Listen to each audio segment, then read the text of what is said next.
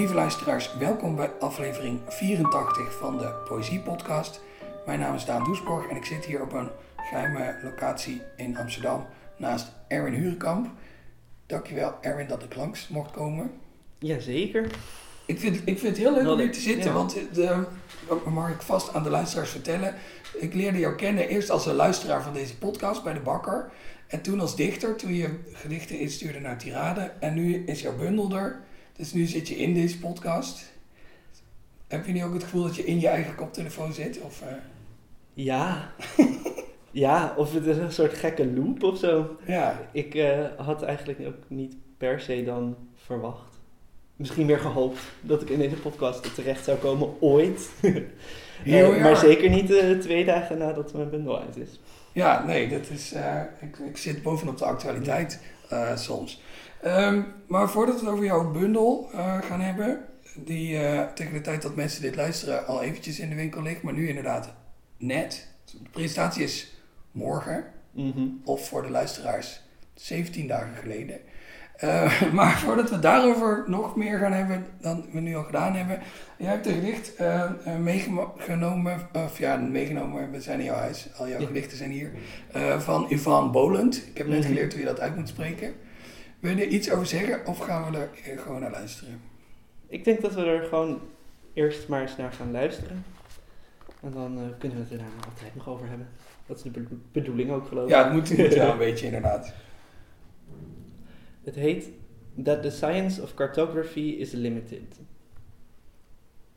That the science of cartography is limited, and not simply by the fact that this shading of forest cannot show the fragrance of balsam, the gloom of cypresses, is what I wish to prove. When you and I were first in love, we drove to the borders of Connacht and entered a wood there. Look down, you said. This was once a famine road.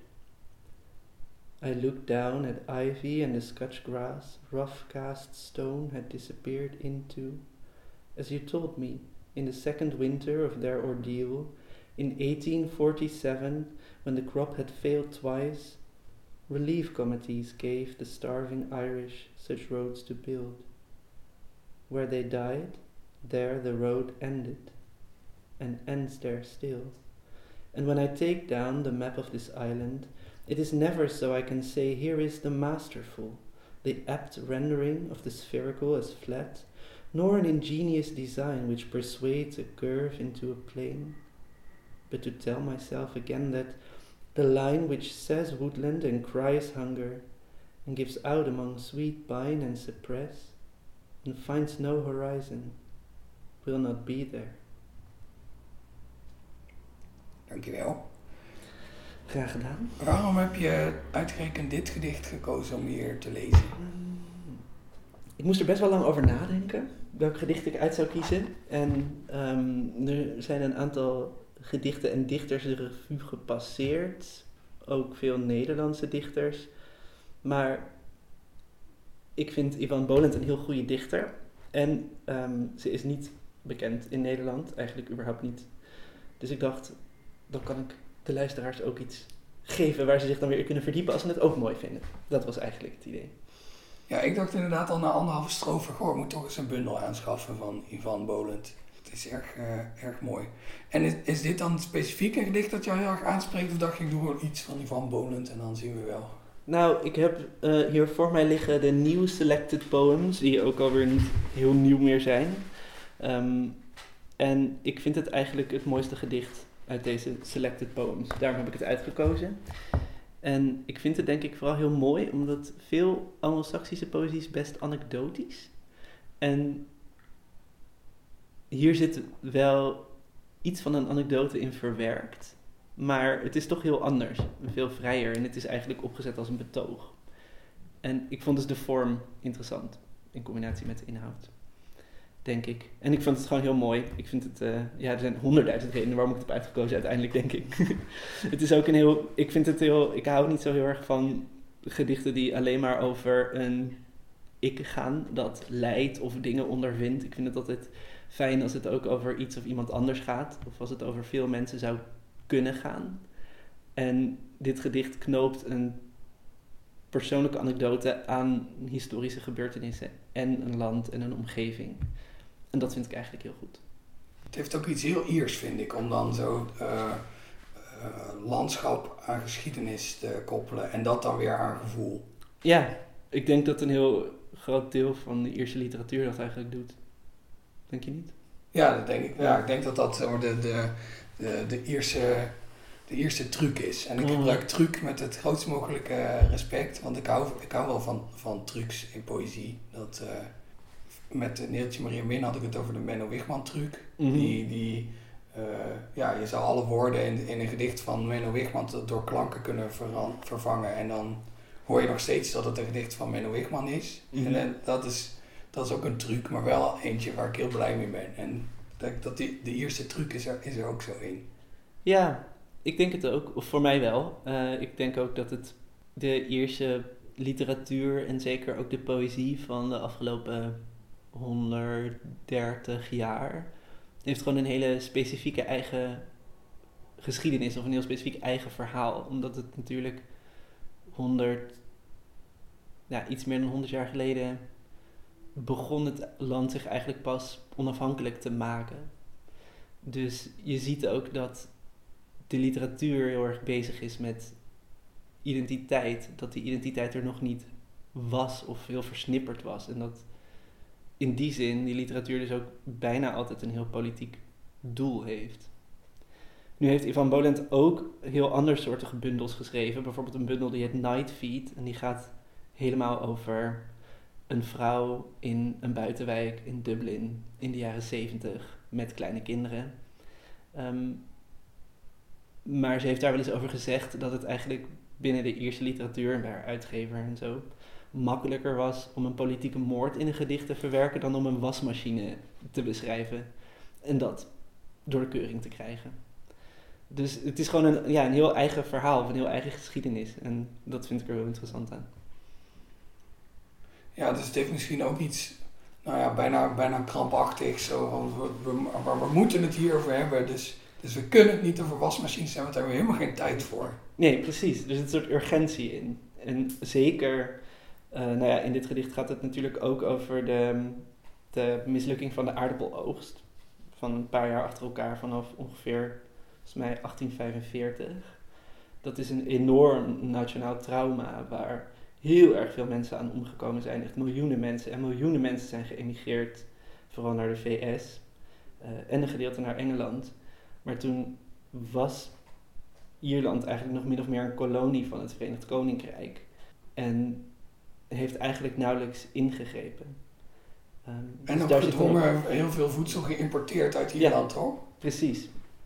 Ja, daar is ook wel, ik heb daar ook wel eens iets over gelezen dat dat nog niet eens een super slecht idee was. Omdat je op het moment. Het is een nog steeds een heel agrarische economie. En op het moment dat die hele economie instort, is het nog lastiger om een land uit het sop te trekken. Maar uh, ja, dat is wel iets wat ook pijn doet. Um, en het feit dat de rijkere mensen, die dan voornamelijk protestants waren, tegenover de arme katholieken wel genoeg te eten hadden.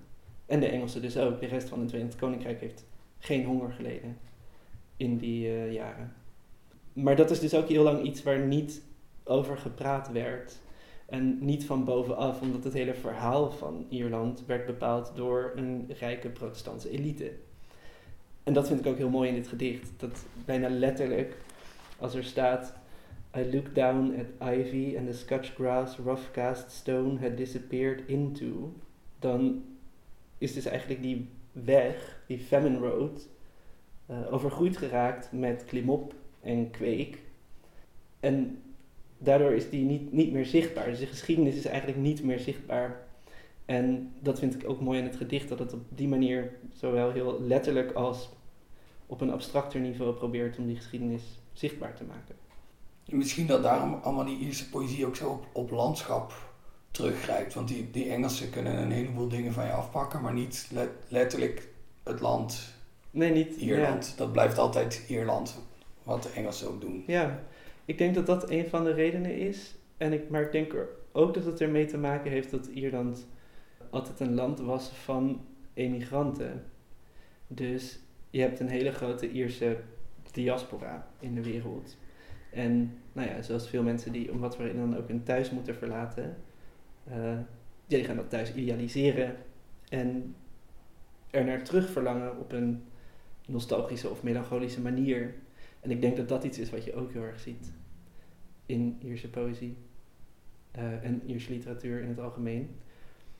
En misschien toch ook, ja, het, het, landschap, dat dat van jezelf is, of dat de ervaring van het landschap in ieder geval van jezelf is.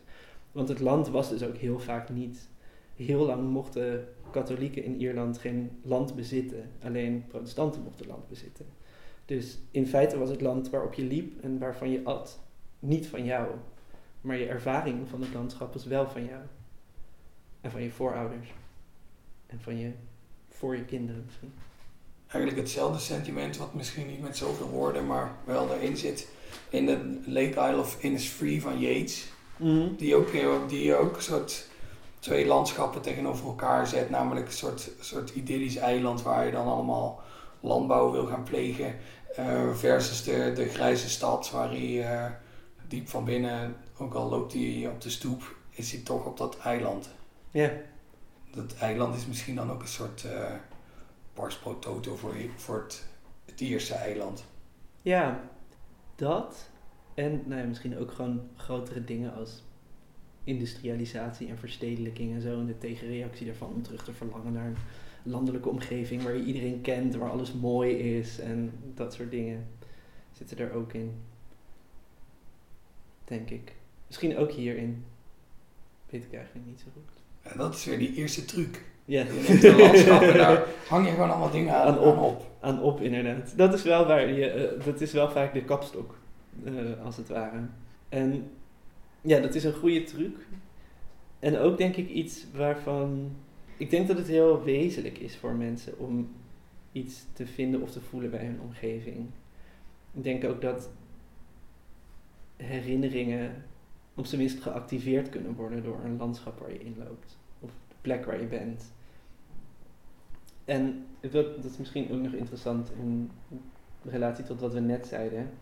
Zij is dus ook, um, ze is niet in Ierland geboren, Ivan. Ze, is, uh, ze heeft heel lang in, als kind, volgens mij is ze in New York geboren, of ze heeft in ieder geval lang gewoond als kind. En in het Verenigd Koninkrijk, haar vader was de eerste Ierse ambassadeur in het Verenigd Koninkrijk. Uh, ze heeft er dus eigenlijk pas vanaf latere leeftijd gewoond. Ze heeft er wel gestudeerd.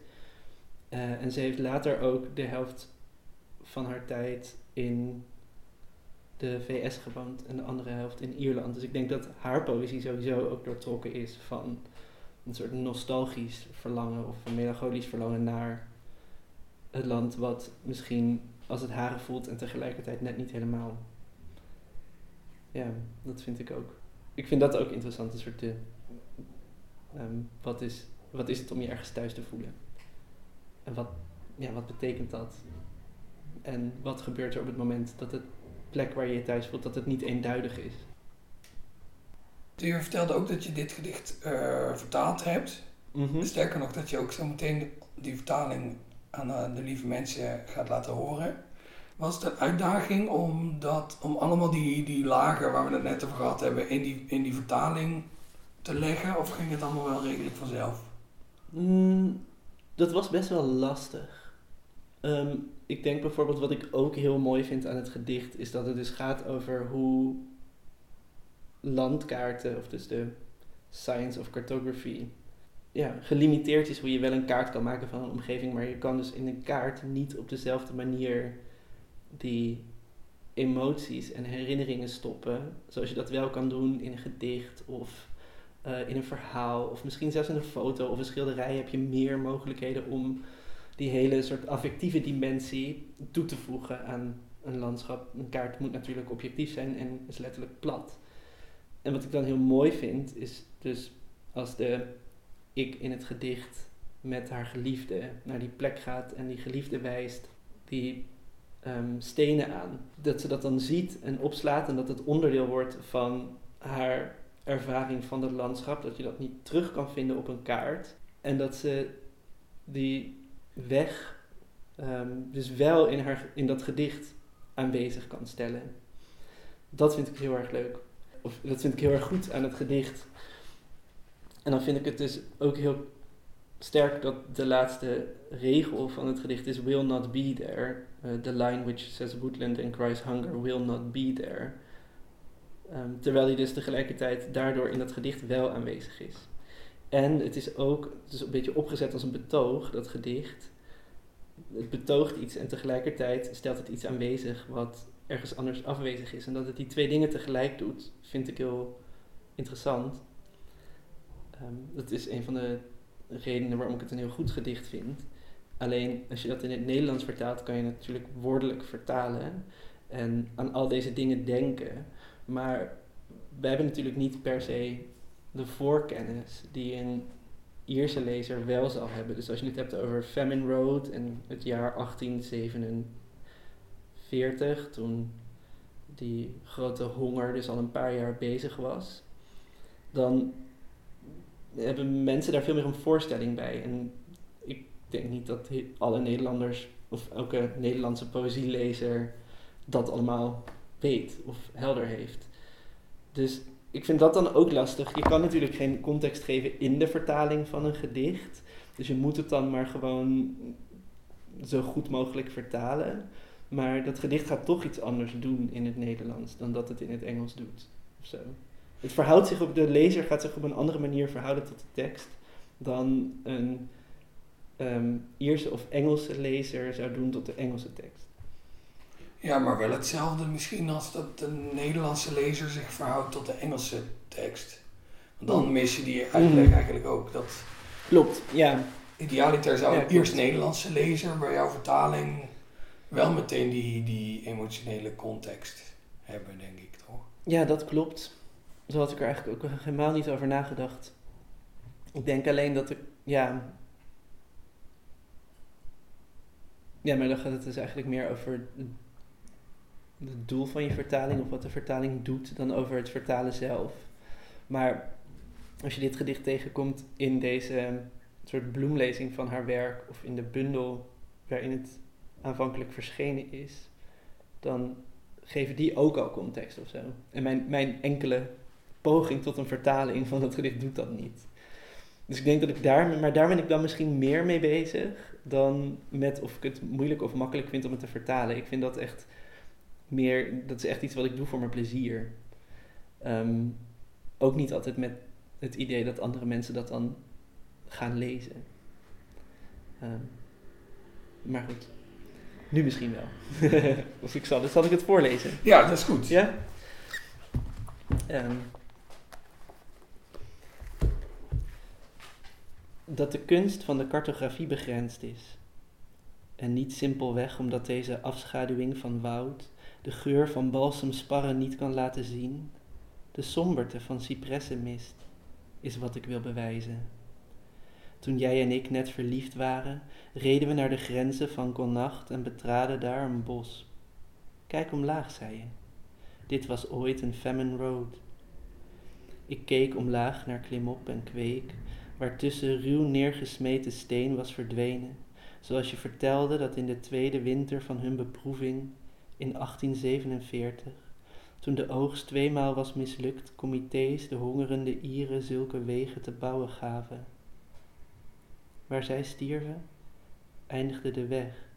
En die eindigt er nog. En als ik de kaart pak van dit eiland, is het nooit zo dat ik kan zeggen: hier is de meesterlijke, adequate weergave van het sferische als plat, noch om een ingenieus ontwerp dat curve verleidt tot vlak maar om mezelf nogmaals te vertellen dat de lijn die bosgrond zegt en honger krijst, en eindigt tussen zoete pijnboom en cipres, en geen horizon vindt, er niet zal zijn.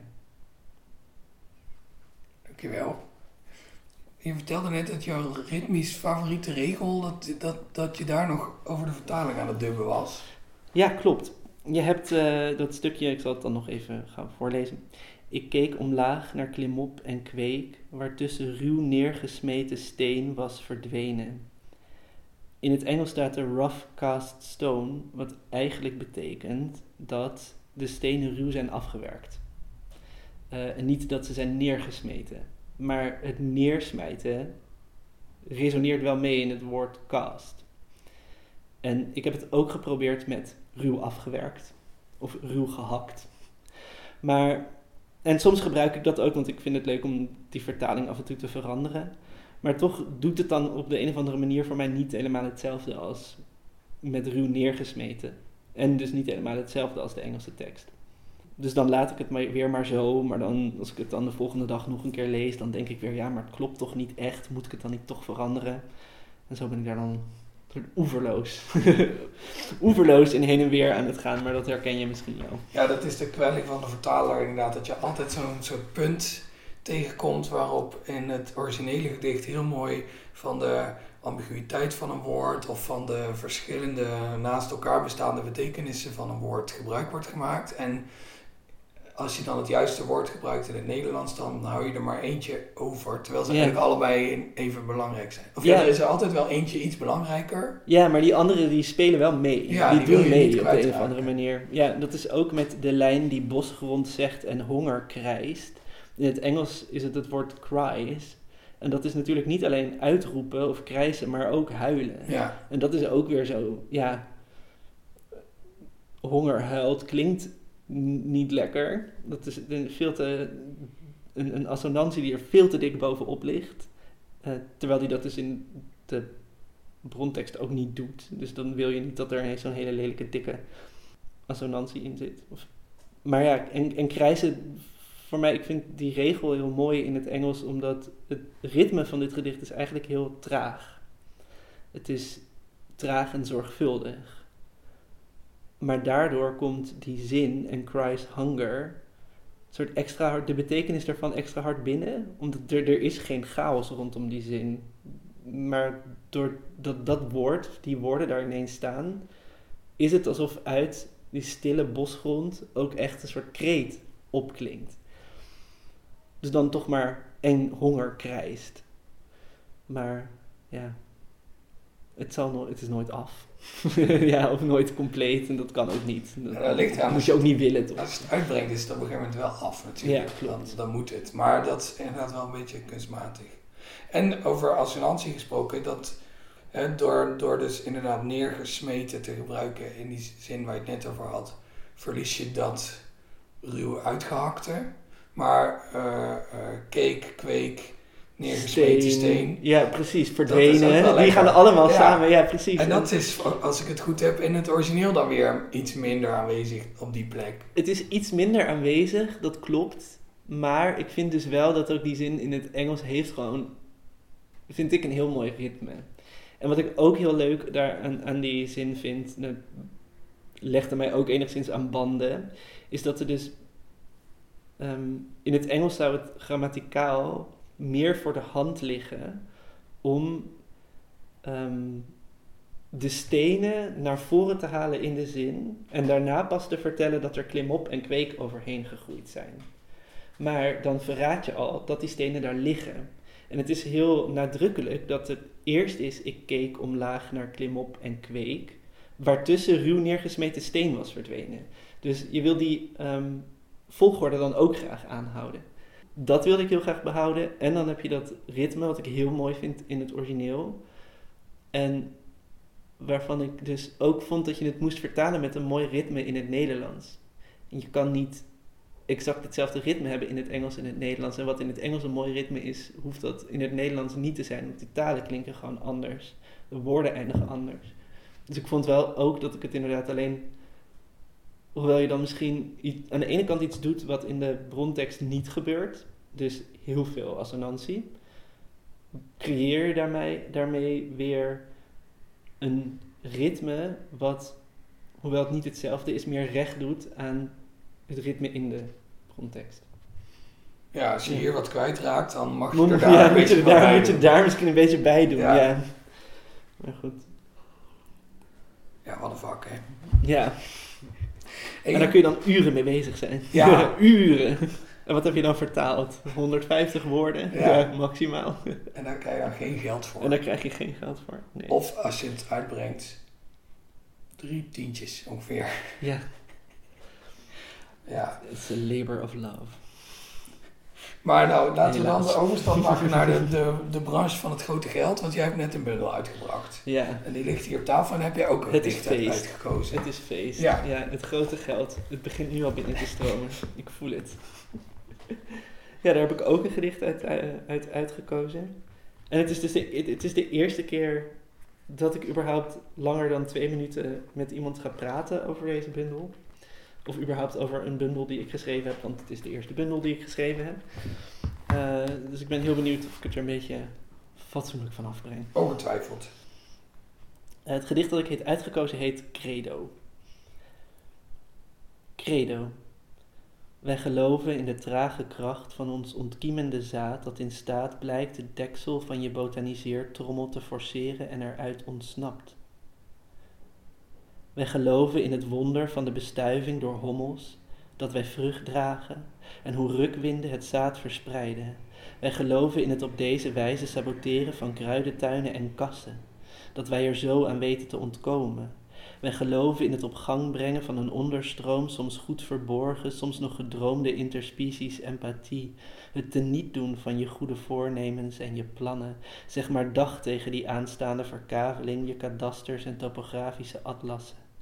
Dat hele netwerk van ragfijne lijnen en dekbedden vol gaten slaan we af, of we zullen het verteren tot de sporen ervan in het landschap onder hummus en afzettingsgesteente verloren raken. Wij geloven in het overwoekeren van braakliggend land en verlaten hoeves. In de bloei. Dankjewel. Waarom heb je dit gedicht gekozen aan van alle gedichten uit de bundel? Nou, ik wist helemaal niet welk gedicht ik moest kiezen. En naast dit gedicht staat een ander gedicht, dat heet Zijgoed. Dat is een van de favoriete gedichten van mijn vriend, maar dat wilde ik niet voorlezen.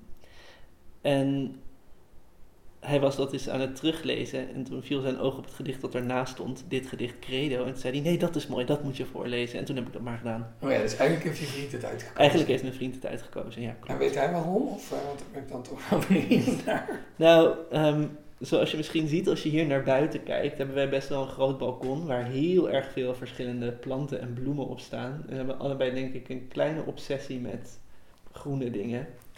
Groeiende groene dingen met wortels. Dus dat is denk ik een van de redenen waarom hij erg van dit gedicht houdt. Eh, of het heel mooi vindt en ook een van de redenen waarom ik er heel erg van hou. En toen hij dus zei, dit gedicht is mooi, dit moet je voorlezen, las ik het nog eens over. En toen dacht ik, dat is inderdaad wel een goed idee, want er zit heel veel in wat terugkomt in de rest van de bundel. Het staat precies in het midden van de bundel. Het heet Credo, het is onderdeel van een reeks gedichten die eigenlijk alle gezangen zijn uit de katholieke mis, of alle vaste gezangen uit een katholieke mis. Dus dat begint met eh Kyrie eleison, Gloria, Credo Sanctus en Agnus Dei. Ehm, daarvan is het ook de middelste. En die gedichten staan een beetje verspreid door de bundel en houden op een bepaalde manier misschien de boel een beetje bij elkaar. Daarom vond ik het ook leuk om dan een gedicht uit die se- serie of uit die reeks te kiezen.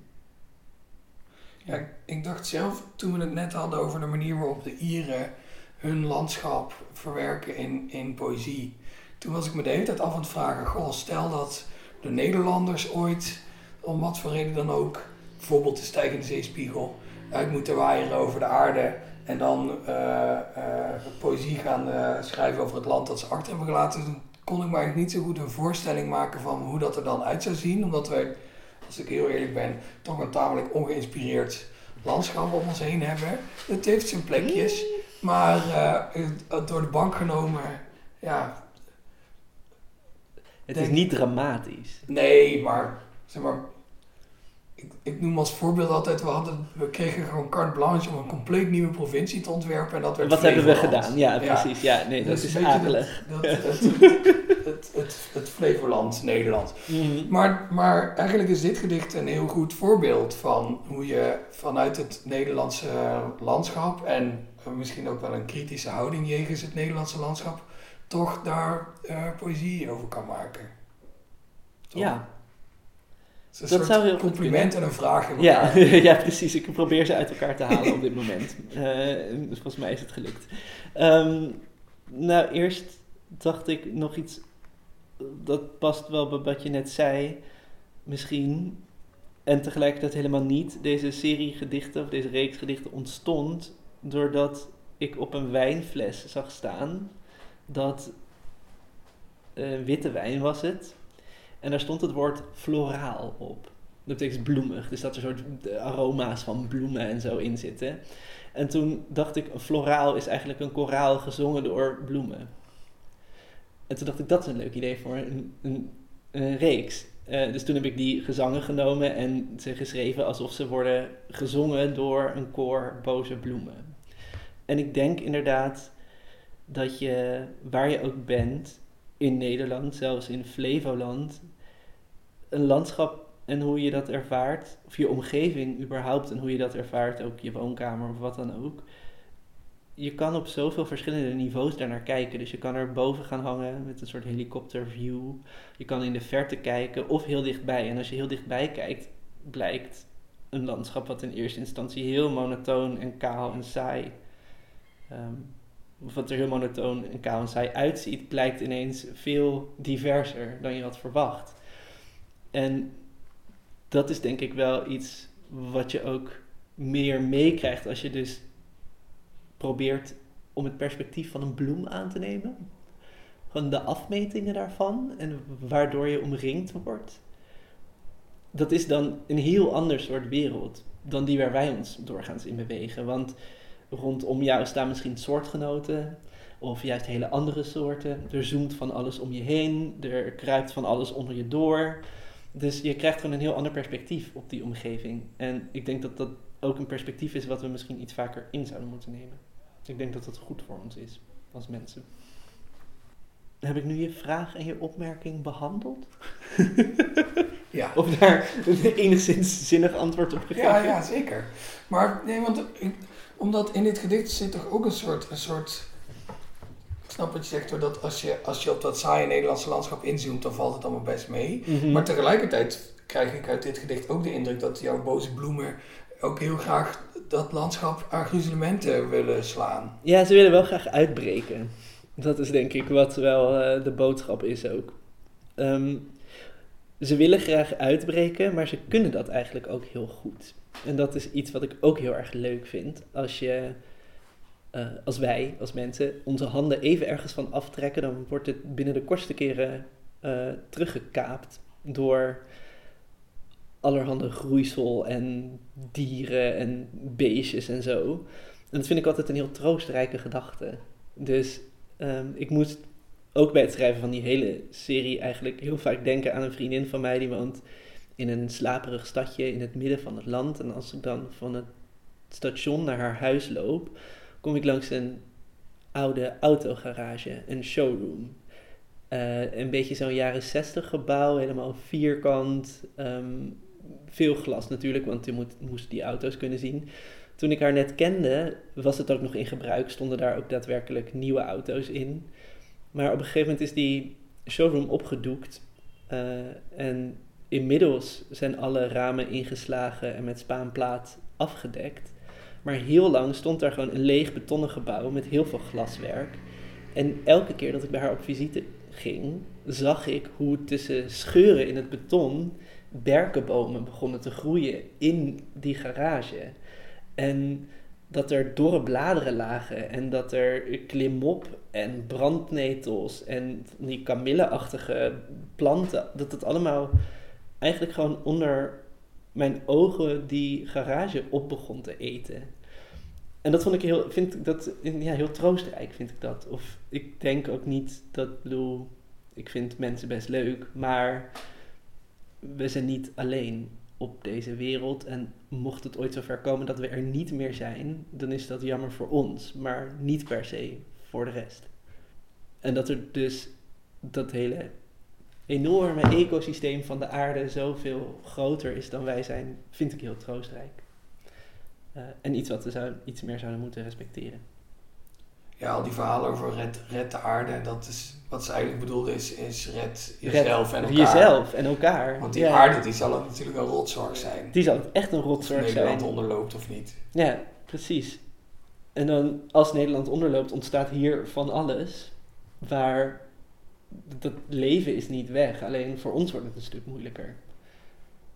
Dus ja, door daar niet zoveel aan te doen, schieten we eigenlijk vooral onszelf in de voet. Maar die hele aardkloot, die boeit dat echt geen reet, denk ik. Nee. Ik heb ook een keer een heel leuk artikel gelezen over, of ja, leuk, het, ik vond dat een leuk artikel, maar dat is misschien niet helemaal normaal. Over als, als, er, als er van vandaag op morgen alle mensen zeg maar, verdwijnen van de, van de aardbodem, gewoon niet dat iedereen dood in huis ligt, maar gewoon we, we zijn er mhm. niet, ook, niet, ook geen, geen stoffelijk overschot. Iedereen is weg, maar verder is alles er nog. Mhm. Eh, hoe lang het dan duurt voordat bepaalde dingen uh, stuk gaan en ook wat, wat, wat, er, wat er gaat gebeuren. Uh-huh. Dus er komt, er komt bijvoorbeeld een, een, uh, een grote sterftegolf onder huisdieren die binnen zitten en er niet uit kunnen en niks te eten hebben. En dan, maar bijvoorbeeld ook hoe, hoe lang duurt het voordat bijvoorbeeld het, het elektriciteitsnet ermee ophoudt. Weet je, hoe lang is er nog internet? Maar dan niemand gebruik van maakt. Maar, maar, hoe lang is dat er nog? Fantastisch. En dus inderdaad ook want, met, met welk tempo uh, bepaalde bouwmaterialen afgebroken mhm. worden. En inderdaad, dus berkenbomen in dus autoshowrooms gaan groeien. En uh, wat, bijvoorbeeld, wat gebeurt er met alle dieren in dierentuinen? Dat is echt een heel leuk, heel leuk artikel waarin heel langzaam zo die, die, dat, dat, dat terugveroveren van de wereld op de mensheid beschreven werd. En dat, ik vond het een enorm uh, prikkelend en eigenlijk ook heel erg zaligmakend artikel om te lezen. Ik dacht, oh, eigenlijk komt het allemaal goed. Alleen niet met ons. Alleen niet met ons. Nou ja, dat is dan maar zo. Dat, uh, hebben we dan ook een beetje zelf gedaan. Ja. En heeft Kurt Vonnegut niet een roman geschreven die zich afspeelt in een compleet overwoekerd New York, waarin ook alles langzaam. Uh, volgens mij wel. Ik dacht dat zou heel goed kunnen, maar, ik heb niet zo van hem gelezen. Ik zet dan altijd in de aantekeningen bij de aflevering. Doe ik mijn eigen errata als ik weer iets dom gezegd heb en het moet eigenlijk een ander boek van Volders zijn, dan, dan, staat dat daar. Dus alle luisteraars die nu denken, het klopt niet, dat, dat weet ik al. Ja. Het staat daar. En het staat daar beneden. Ja, je kan het daar lezen. Ja. Nou, dat is wel, ik hou ook erg van speculatieve fictie en science fiction soms en fantasy en zo. En ik vind dat ook heel leuk aan uh, bijvoorbeeld het werk van Ursula Le Guin. Waarin dan op een gegeven moment er is een hele, een hele serie, of het is een soort min of meer samenhangende boeken die zich afspelen in een universum waarin de aarde ook bestaat onder een andere naam en waarin wij, dus de aarde zoals die nu is, zeg maar de 20ste, 21ste eeuw, al heel lang geleden is. En je ziet daarin dan dus ook hoe soort, wat de resten zijn, of de restanten, en hoe in, die boeken heeft de menselijke soort het wel overleefd, maar de aarde is niet zo gul meer. Ze is een beetje op. Uh, en dan wijken die mensen ook uit naar andere planeten en daar gaan gaat alles weer anders. En ze proberen daar soms ook uh, soort grote koloniale projecten op te zetten. Dat gaat meestal mis uiteindelijk. Maar ik vind het wel bijzonder om dan zo'n heel, ja, kan je zeggen groot perspectief, maar dus van heel ver naar te kijken en te denken wij denken misschien over de aarde en over ons leven in de termen van ons leven. Dus dat duurt pak een beetje 80 jaar als je een beetje geluk hebt. Uh, soms iets korter, soms iets langer. Maar dat is echt zo weinig als je kijkt naar hoe oud de aarde al is, hoe groot het zonnestelsel is, et cetera, et cetera, et cetera. En dat is zo lastig te bevatten, maar door zo'n boek te lezen, wat zich duizenden jaren afspeelt na onze tijd, wordt dat iets toegankelijker om op die manier naar de wereld te kijken. En ik denk dat dat ook een perspectief is wat we soms missen dat we heel krampachtig in het hier en nu iets willen en iets willen veranderen. En dat is soms ook heel goed om in het hier en nu iets te willen veranderen. Maar je verandert natuurlijk of als het gaat over dit soort dingen als de aarde en de mensheid en sterven we uit of sterven we niet uit en wat gebeurt er allemaal aan klimaatrampen, et cetera, et cetera, dan gaat het natuurlijk eigenlijk over hoe wil je dat het is over duizend jaar. Maar dat is heel moeilijk voor ons om over na te denken. We denken nooit, ja, maar dan hebben die mensen over duizend jaar ook nog wat. Of regeneratie is een langdurig proces. Duurzaamheid, zegt dat duur, duurt, duurt allemaal heel lang. En we vinden het best lastig om dat te denken, denk ik. Ja, ik vraag me ook af of mensen zich daar duizend jaar geleden mee bezig hielden. Dat, Denk eh, ik ook niet. of Willem de Veroveraar, die wel zo ongeveer duizend jaar geleden, of die dan ooit wel eens gedacht heeft, oh, ik word nu koning van Engeland en over duizend jaar. Of de mensen die het tapijt van Bayeux maakten. Ja. Of die er één keer bij over hebben nagedacht, goh, ja, moet het wel een beetje degelijk garen gebruiken, want mensen over duizend jaar moeten hier ook nog in een museum Ja. van kunnen genieten. Ik denk het niet. Ik denk het ook niet. En tegelijkertijd zijn er, misschien niet, is dat, weet niet of dat in Europa zit. Ja, toch ook wel. Er zijn ook landen, en, maar ook bijvoorbeeld dynastieën van koninklijke huizen en zo, die gewoon al honderden en honderden jaren op de troon zitten of bestaan. Maar die dat dus honderden jaren geleden ook al deden. Dus er moet dan toch een soort van perspectief zijn of zo. Of een soort idee van hoe lang iets kan duren. Ja, maar kijk, als ik even bij Willem de Veroveraar blijf. Ik denk dat hij met al zijn kennis over wat het betekent om koning te zijn van een bepaald grondgebied, niet, niet zou hebben gedacht dat er, dat er over duizend jaar nog, nog per se zoiets als Engeland met een koning van Engeland Nee, klopt. Maar er was natuurlijk wel heel lang en nog steeds voor heel veel mensen op heel veel plekken op de wereld een andere vorm van eeuwigheid of tijdloosheid in een geloof of godsdienst of religie.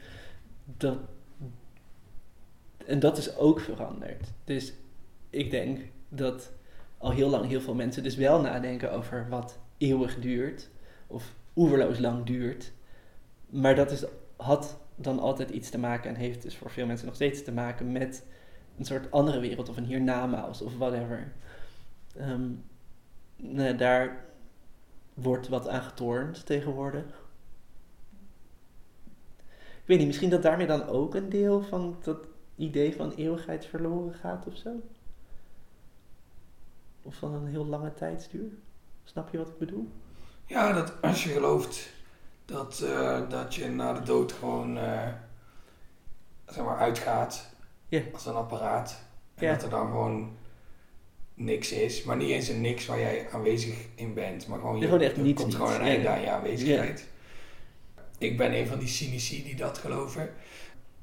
Dan wordt het natuurlijk inderdaad wel moeilijker om over, over oneindigheid na te denken.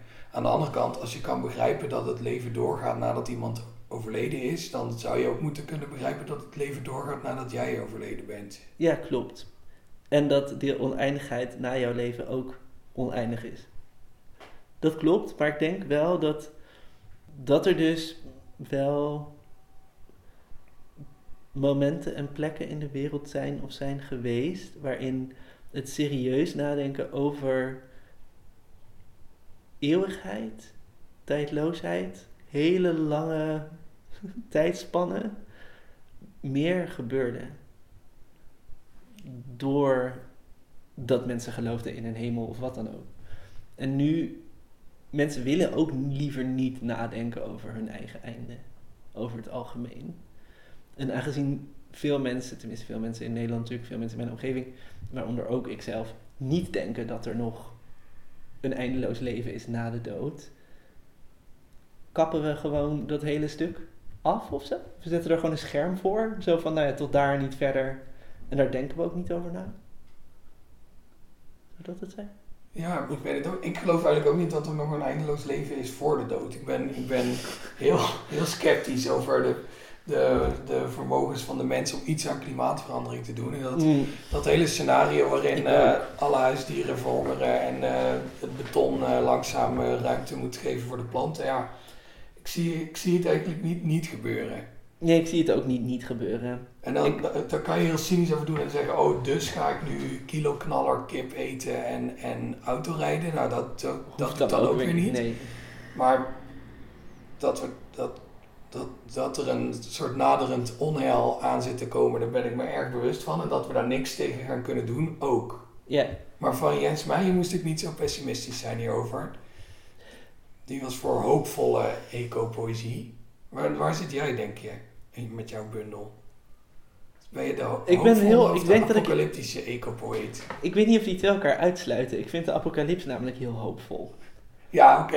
Ja, dus ik vind die het- ja, die die, alles weer terugneemt. neemt- ja, dat vind ik echt de, de meest hoopvolle gedachte die er is. Misschien beleef ik een soort sardonisch plezier aan de ondergang van de mensheid of zo. Een friesend vrolijke untergang. Ja, Ja. precies. Dus dat is, ik denk dat dat het is. Ik vind dat gewoon heel leuk. Of heel, dat klinkt wel heel erg, maar ik vind het echt heel, heel prettig dat we niet de enige levensvorm zijn. Ehm, en dat of wij het overleven of niet, whatever het dan ook is, dat, ja, dat boeit me dan ook eigenlijk gewoon niet zo. En dat is niet waar ik op hoop. Kijk, als we wel nog heel lang voortbestaan, we vinden een manier ook goed, want dan hebben we iets geleerd en maar ja, ik vind soms bijna ook dat we een beetje ons recht, ons bestaansrecht verspelen. En dan denk ik, ja, dan doe dan maar niet. Geef het dan maar aan iets of iemand anders of zo. En dat vind ik, ja, ik vind dat zo'n heel hoopvolle gedachte. Ik denk ook dat dit ook wel veel gedichten gaan daarover in mijn bundel. En dan, ik vind het ook bijvoorbeeld een heel leuke gedachte om na te denken over, ja, maar wat nou als er een klein groepje overblijft? Een beetje zo Ark van Noach-achtig. Ehm, hoe gaat hij dan weer eh, zich, wa- wat gaat, die, wat gaat dat groepje mensen doen? Hoe gaan ze zich herstellen? Hoe kijken ze naar de wereld? Hoe kijken ze naar wat er is gebeurd? Wat is er over van wat er allemaal ooit is gebeurd en van de hele geschiedenis, om het zo maar te zeggen? En hoe, hoe gaan ze dan weer verder of zo? Ja, welke, welke nieuwe aarde gaan Ja, Jeff Bezos en Sarah Palin samen maken? ja. Al vraag ik me dan dus af, ik denk toch ook wel, ja, je kan, je kan jezelf, als je heel veel geld hebt, heel erg goed beschermen tegen van alles en nog wat. Maar kijk, als je dus op een gegeven moment geen wifi en geen elektriciteit en zo meer hebt, dan houdt het natuurlijk voor de Jeff Bezos en, en Sarah Palins van de wereld ook een beetje op. Dus dan heb je meer aan mensen die heel slim en handig zijn om te zien wat ze in hun omgeving kunnen gebruiken om hun voortbestaan langer te laten duren dan iemand die gewend is heel veel geld te hebben en andere mensen voor zich te laten rennen. Dus ik ben dan ook heel benieuwd, maar wie blijft er dan over? Wat is? Ja, de scout, denk ik. Ja. Zo. Ja, zelfs als Jeff Bezos net op tijd al zijn, zijn vermogen opneemt in briefgeld en hij heeft toevallig een werkende aansteker op zak, blijft hij niet langer dan een week warm, denk ik. Nee, precies, daarom. Ja. Ook wel ja, weer hoopgevend. ja, ook wel weer Dat hij hoopgevend. dan gewoon typeert ergens in een gat. Ja. Dus ja, ik ben wel voor, ik ben zeker voor hoopvolle klimaatpoëzie, hoewel ik dat ook, ik vind het niet, ik hoop ook dat mijn bundel dan niet doet. Ik vind het niet per se altijd leuk als het enige wat een gedicht of een bundel doet, het hebben over het klimaat is. Ehm, maar als je dat dan doet, liever hoopvol.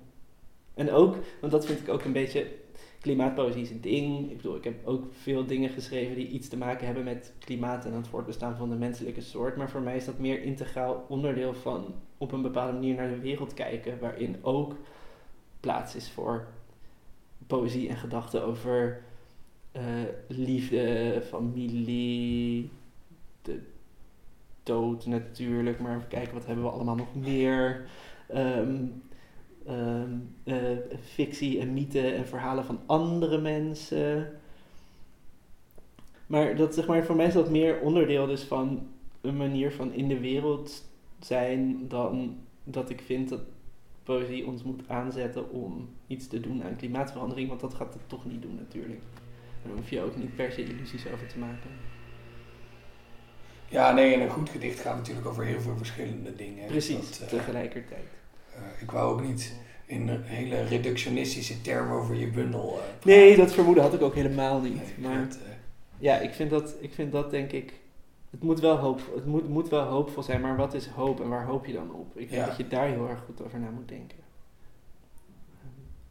Want ik hoop niet op nog duizenden jaren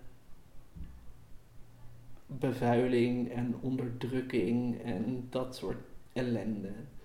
Terwijl. Nee, dat is ook nog zoiets. Stel dat er een enorme klimaatramp plaatsvindt, of klimaatrampen, of een serie van ehm, ongeregeldheden, of wat dan ook. Stel dat zoiets niet gebeurt. Wat doen we dan? Dan gaat deze hele aardkloot vol met miljarden mensen gewoon lekker zo door als die al uh, ja, zoals hij al doet. Ja, dat ook niet echt een feestje voor veel mensen. Wij, wij komen er goed vanaf. Ja, wij komen er goed vanaf. Maar voor de meeste mensen is het niet zo'n feestje. Dat vind ik ook heel sneu. Dus misschien dat zelfs iets apocalyptisch best iets hoopvols in zichzelf kan zijn. Omdat het dus misschien ook een kans geeft op een nieuw begin. Alle macht weer terug naar de bloemen. Ja, precies. Zou jij en de wormpjes. Het, credo van de bloemen nog een keer willen laten horen? Zeker. Credo. Wij geloven in de trage kracht van ons ontkiemende zaad dat in staat blijkt het deksel van je botaniseertrommel te forceren en eruit ontsnapt. Wij geloven in het wonder van de bestuiving door hommels, dat wij vrucht dragen en hoe rukwinden het zaad verspreiden. Wij geloven in het op deze wijze saboteren van kruidentuinen en kassen, dat wij er zo aan weten te ontkomen. Wij geloven in het op gang brengen van een onderstroom, soms goed verborgen, soms nog gedroomde interspecies empathie. Het teniet doen van je goede voornemens en je plannen. Zeg maar dag tegen die aanstaande verkaveling, je kadasters en topografische atlassen. Dat hele netwerk van ragfijne lijnen en dekbedden vol gaten slaan we af of we zullen het verteren tot de sporen ervan in het landschap onder hummus en afzettingsgesteente verloren raken. Wij geloven in het overwoekeren van braakliggend land en verlaten hoeves. In de bloei. Dankjewel. Jij bedankt. Erwin Urenkamp. Je bundel uh, Nu we er toch zijn ligt in de winkel. Dat klopt. Dit was aflevering 84 van de Poëzie Podcast. Die wordt gemaakt door mij, Daan Doesborg, in samenwerking met de Stichting Literaire Activiteiten Amsterdam. Volgende maand is het oktober en eh, ben ik op de Nacht van de Poëzie. Ik ben daar samen met mijn eh, conculega's John Jansen van Galen en Ingmar Heitse van uh, Camping de Vrijheid. En we gaan daar samen een aantal dichters interviewen uit de festivalprogrammering. En daar dan allebei dezelfde aflevering over uitbrengen, tegelijk. Zodat alle fans van Camping de Vrijheid ook luisteraar van de Poëzie Podcast kunnen worden. En alle luisteraars van de Poëzie Podcast, voor zover ze dat niet al waren, ook fan kunnen worden van Camping de Vrijheid. Het is één grote commerciële onderneming. Maar we gaan het ook met dichters hebben over poëzie. Dus graag tot dan. Uh, de muziek bij deze aflevering en bij alle afleveringen van deze podcast werd en is gemaakt door Bart de Vrees. Ik zie jullie graag ofwel op de Nacht van de Poëzie, ofwel, nou ik zie jullie trouwens helemaal niet bij die aflevering, maar dan tot volgende maand.